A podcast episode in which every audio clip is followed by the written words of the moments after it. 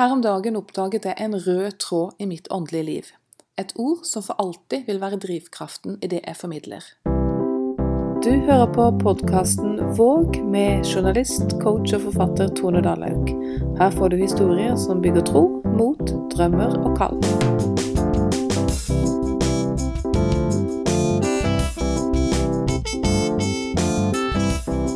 Sitter i stua og spiller inn denne podkasten og ser på eh, det nypynta juletreet vårt.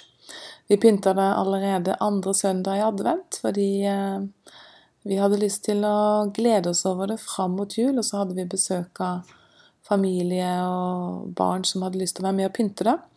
Men jeg sitter og ser på det her fra sofaen. Jeg sitter og spiller inn og ser mot det grønne, eh, flotte treet med røde og gull pynta julekuler og tente lys, så er det mange følelser som kommer fram. Og det ene jeg tenkte på, det er det at det gjentar seg år etter år etter år.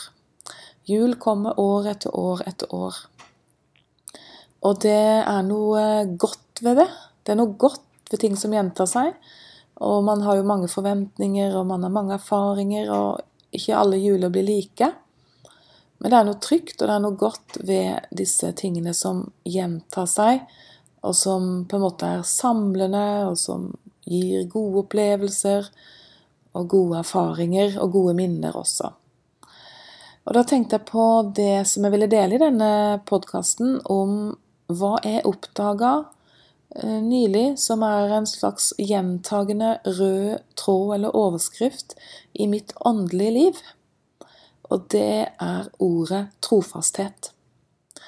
Jeg jobber med en eh, bokidé og tar et lite kurs hvor jeg da skulle eh, spisse meg litt inn og forstå hva er det egentlig historien handler om. Hva er eh, vendepunktet i mitt liv i denne historien? Hva er transformasjonen i mitt liv? Altså hva, hvordan var det før dette skjedde? Hva skjedde, og hvordan ble det etterpå? Og Jeg måtte spørre mannen min også om hjelp, og vi satt og og tenke litt høyt sammen. Fordi det er egentlig det som har gjort at jeg har stått litt fast, både i, ja, både egentlig i mitt eget eh, budskap eh, ut og i dette med bøker. Og denne historien her, som handler om eh, våre adopsjonsreiser, og som er en sterk og lang historie, som kanskje blir en bok, så måtte jeg på en måte finne ut hva er den røde tråden, hva er budskapet, og da fikk jeg hjelp gjennom det kurset til å tenke transformasjon eller indre konflikt, flere tilnærminger. Og plutselig så så jeg det, jeg snakket med mannen min. Det er mange transformasjoner i, i livet, og i denne historien er det også mange transformasjoner, men så sier jeg til mannen min, men hva er den åndelige transformasjonen? Altså hva har endret seg etter alle disse erfaringene våre? Gjennom de fire adopsjonsreisene. Og da sier han bare 'trofasthet'. Jeg bare Ja, selvfølgelig. For det er det som har vært den indre konflikten. Kunne vi stole på at Gud kom også denne gangen? Kunne vi stole på at dette ville løse seg? Kunne vi våge å gå eh, og reise og si ja og gjøre det vi kjente på? For det var store valg, store ting. Kunne vi stole på det? Det var konflikten. Eh, og resultatet var at vi gang på gang så at ja, det kunne vi. Vi sa ja, og Gud var trofast.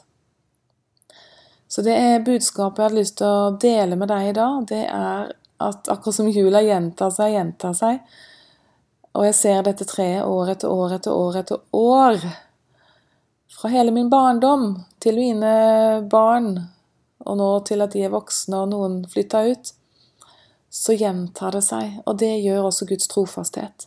Så hvis du ser eh, Jeg slo opp i Bibelen, eller jeg slo opp på nettbibelen, på bibel.no, og søkte opp 'trofast'. Du kan også søke trofasthet, kanskje det dukker opp enda mer interessant. Men det er så mange steder i Bibelen hvor det står om dette med å være trofast. Både en sånn eh, Hvis vi er trofaste, så vil det og det skjer, så vil Gud vise vei, så vil Han være der, og at Gud er trofast. Så det var veldig oppmuntrende å, å um, søke opp ordet 'trofast' i nettbibelen. Og det er den historien jeg jobber med å skrive. Og jeg har sett det gang på gang, også i andre faser av livet som ikke har med adopsjonen å gjøre. Så ser jeg det gang på gang på gang at Gud er trofast. Likevel så må vi gang på gang hva skal jeg si, tro det og våge det. Og det ser vi på israelsfolket også. De så så mye mirakler under, og likevel så bommet de, likevel så stoppet opp, likevel så feilet de. Så det er ikke Jeg tror det er eh, Selv om jeg begynner å tro på at ja, det vil skje igjen, det vil skje igjen Vi står i ting som vi har stått i i mange år, og det har ikke sett løsning. Men, eh, og det er lett å gi opp, og det er lett å miste motet. Men i dag ble jeg oppmuntret igjen av å bli minnet om at Gud er trofast, og da griper jeg det også for det jeg står i nå, og det jeg vil komme til å stå i framtiden. At Gud kommer der, Gud vil. Vi sier ja. Vi våger å vente, vi våger å gå. Vi våger, eh, og da vil Han vise sin trofasthet.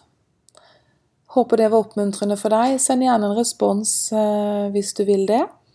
Det er kjekt for meg å vite om både podkastformatet fungerer, og om budskapet gir noe verdi. Så ønsker jeg deg en veldig fin helg.